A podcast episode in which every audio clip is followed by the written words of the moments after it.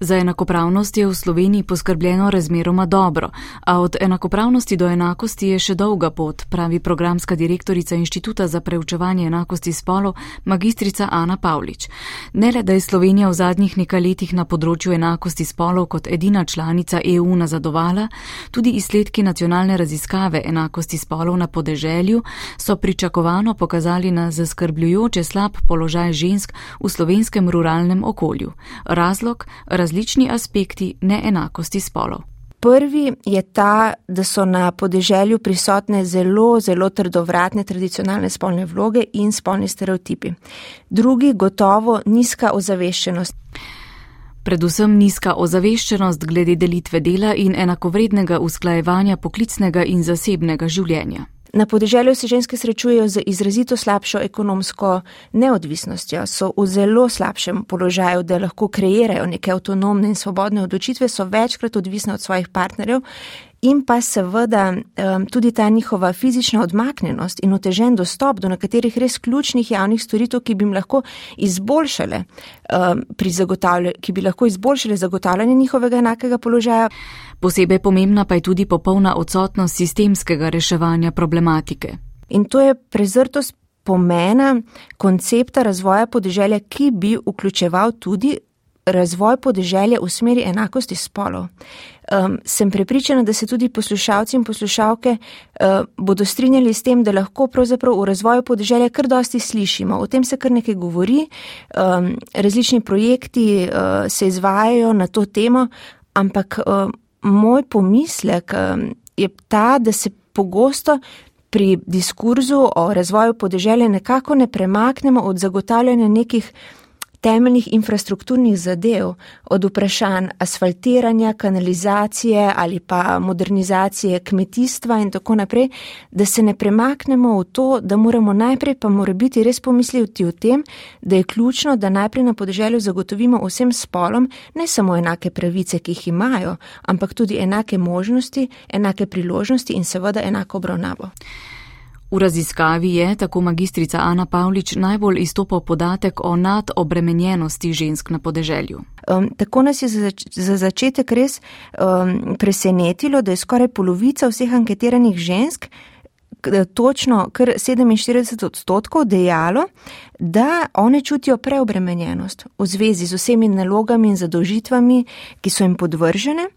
Um, zelo zanimivo, zelo povedno, da je po drugi strani to isto preobremenjenost izrazilo zgolj 16 odstotkov moških. In k temu moram dodati še to, da so te isti moški v 80 odstotkih primerov dejali, da pa se njim zdi, da so v njihovih partnerskih oziroma družinskih odnosih pravzaprav te naloge in zadožitve enakomerno razporejene. Tako da lahko vidimo pravzaprav, um, da je ključni, uh, ključni razlog za to um, neenakost gotovo ta res izrazita večplastna nadobremenjeno žensk, ki ji žal, ni, um, ki, ki žal ne pride nasproti res prepoznavnost oziroma uh, priznavanje njihove vloge. Patriarhalni vzorci se kažejo predvsem pri delitvi dela in odnosu do nevidnega skrbstvenega in reproduktivnega dela žensk. Ta um, tradicionalna delitev dela je zelo um, prisotna na našem podeželju. Uh, pokazalo se je, da torej tem oblikam reproduktivnega dela skoraj polovica moških um, nameni manj kot eno uro časa na dan, medtem ko več kot 80 odstotkov žensk tem, temu delu nameni dve do štiri ure časa na dan, pri tem, da pa obstaja kar 17 odstotkov moških, ki pa tega dela sploh ne upravljajo. Ženske dobesedno vstopajo iz ene delovne smene v drugo. Ko si predstavljamo, da uh, se podobno kot pri kuhanju, pranju in čiščenju dogaja tudi pri skrbi za otroke. Tukaj smo naprimer ugotovili, da uh, največji delež moških skrbi za otroke nameni do eno uro časa na dan, medtem ko seveda do eno uro časa na dan skrbi za otroke um, nameni najmanjši delež uh, žensk, kajti ostale um, opravijo precej več um, ur, uh, ki jih namenijo temu. Podobno se nam je pokazalo tudi pri skrbi za starejše. ki ne bi bila malce bolj enakomerno razporejena med spoloma, ampak takoj, ko se uh, pokaže potreba, torej kadar pride posredi uh, bolezen ali pa kadar je treba te skrbi za starejše namen, nameniti več časa, takrat seveda ženske postanejo za polovico bolj obremenjene uh, kot so moški. Podobno se je izkazalo tudi glede odločanja o pomembnih zadevah. Spraševali smo naše anketirance in anketiranke, kako pravzaprav oni sprejemajo odločitve, na kakšen način se odločajo o stvarih, ki so povezani z družino, s financami, s kmetijo in tako naprej. In ugotovili smo, eh, da v polovici primerov ne bi se vse te odločitve sprejemale tako, da se opravi nek pogovor in se odločitve na to sprejmejo v konsenzu. Kadar do tega eh, pogovora ne pride, uh, gre matrika odločena takole, da najprej potem odločajo moški, sledijo jim starejši člani družine, šele potem v statistično zanemarljivem deležu odločajo mlajši člani družine oziroma ženske. Povejmo še, da delež žensk nosilk kmetijskega gospodarstva dosega 29 odstotkov, pri lastništvu pa je delež žensk nižji od 10 odstotkov, kar kaže na trdovratnost spolnih stereotipov, ki so prisotni na podeželju, pravi magistrica Ana Pavlič. Obstaja pa tudi velika razlika v količini prostega časa, ki ga imajo ženske in moški na podeželju. Uh, obstaja na našem podeželju kar četrtina žensk, ki prostega časa sploh nima um, obstaja tudi ena zelo pomembna razlika med moškimi in ženskami, namreč tiste ženske, ki imajo prosti čas, ga v največji meri namenjajo seveda počitku, medtem ko moški svoj prosti čas namenjajo druženju. Kako pa ženske same ocenjujejo svoj položaj znotraj skupnosti, v kateri živijo? 43 odstotkov žensk nam je odgovorilo, da same menijo, da se ta položaj, v katerem živijo danes, ni bistveno spremenil od položaja, ki so ga naprimer spremljale pri svojih prednicah, pri članicah njihove družine ali pa položaja, v katerem so poslušale še od svojih uh, starejših uh, članic družine, medtem ko je 67 odstotkov moških menilo prav nasprotno. Kot pojasnjuje magistrica Ana Pavlič, so takšni podatki pričakovani in dokazujejo, da smo trenutno v neki situaciji, v kateri uh, nam narative ali pa razlago sveta še vedno v večji meri predstavlja pač tisti spol, ki razpolaga z večjo družbeno in politično močjo in to je moški.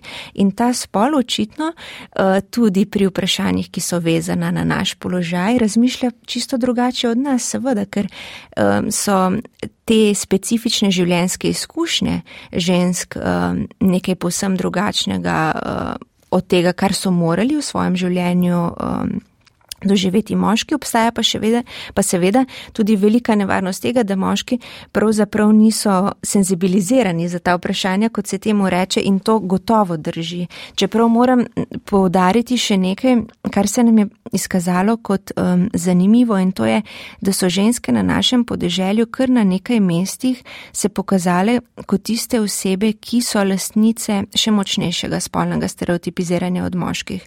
V zadnjih nekaj letih, magistrica Ana Pavlič, opažamo tendence k retradicionalizaciji naše družbe, predvsem strani populističnih politikov slišimo uh, hvalnice staremu, v navednicah, dobremu redu, uh, kjer je bilo točno določeno, kaj lahko in smejo početi ženske in kaj moški in da je to dobro in v redu.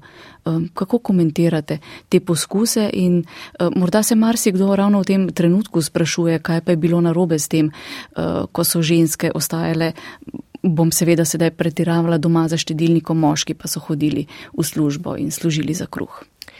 Ja, res je. Um, mislim, da je to pravzaprav. Um, nekaj, kar um, se pogosto dogodi, kadar se kot um, družba, kot skupnost uh, znajdemo pred nekimi um, izzivi, um, pred nekimi nepredvidenimi situacijami, uh, krizami, um, skratka v nekem kaosu. Um, zdaj, um, če me vprašate, kaj je bilo tako narobe uh, prej, um, zelo preprosto vprašanje, ampak tako težko preprosto na to odgovorim, ker iz vidika uh, enakosti spolov je bilo ogromno stvari narobe. Seveda rekla bi na prvo žogo, vse je bilo narobe, če ženske nismo um, bile deležne enakega spoštovanja, enake obravnave in tako naprej. Um, mislim, da um, je mogoče um, dobro, da tukaj omenim, da je ena izmed um, nominirank za besedo leta, torej za besedo, ki naj bi zaznamovala lansko leto, beseda femicid. Zdaj, kaj nam to pomeni? Um, jaz mislim, da je to dejstvo, ob katerem bi nas moralo vse postati vsaj malo sram. Uh, za to nominacijo stojijo tragedije, ki so se končale smrtjo žensk. Um, gre za smrti, ki jih mi kot družba nismo uspeli preprečiti, pa bi jih žal morali. V zvezi s tem zelo skrbijo tudi podatki o pojavnosti nasilja nad ženskami in navedbe žensk, da imajo otežen dostop do pomoči. Sogovornica kot rešitve izpostavlja predvsem ozaveščanje, opolnomočenje, izobraževanje. Na vprašanje, čigava vloga je vse to, pa odgovarja. To je zelo, uh, zelo kompleksno vprašanje. Mm, to je vloga Rekla bom vseh, zato ker si želim, da se to začne čim prej, oziroma zato ker sem prepričana, da bi s tem morali uh, začeti že včeraj. Um, je, je nekaj, kar pravzaprav lahko začnemo. Um, že danes popovdan vsi v naših družinskih skupnostih, ko se bomo vrnili ali pa v svoje domove ali pa v partnerskih odnosih na delovnem mestu, um, je pa tudi nekaj, kar bi um, moralo biti produkt um, neke jasne politične odločitve, nekih usmeritev, ki bi vse te vsebine jasno vnesle v vse elemente naše družbe, od izobraževanja naprej. To zdaj v zadnjem času veliko poslušamo o novih družbenih pogodbah in tako naprej. Um, bi jo veljalo odpreti, načeti, zapisati, podpisati tudi na tem področju enakosti spolov um, in predvsem na področju nekih temeljnih civilizacijskih dosežkov, um, najpomembnejših pravic žensk, ki bi potem v skladu s to pogodbo, jaz upam, da ostale tam uh, nedotaknjene zavedno ker si ženske to zaslužimo.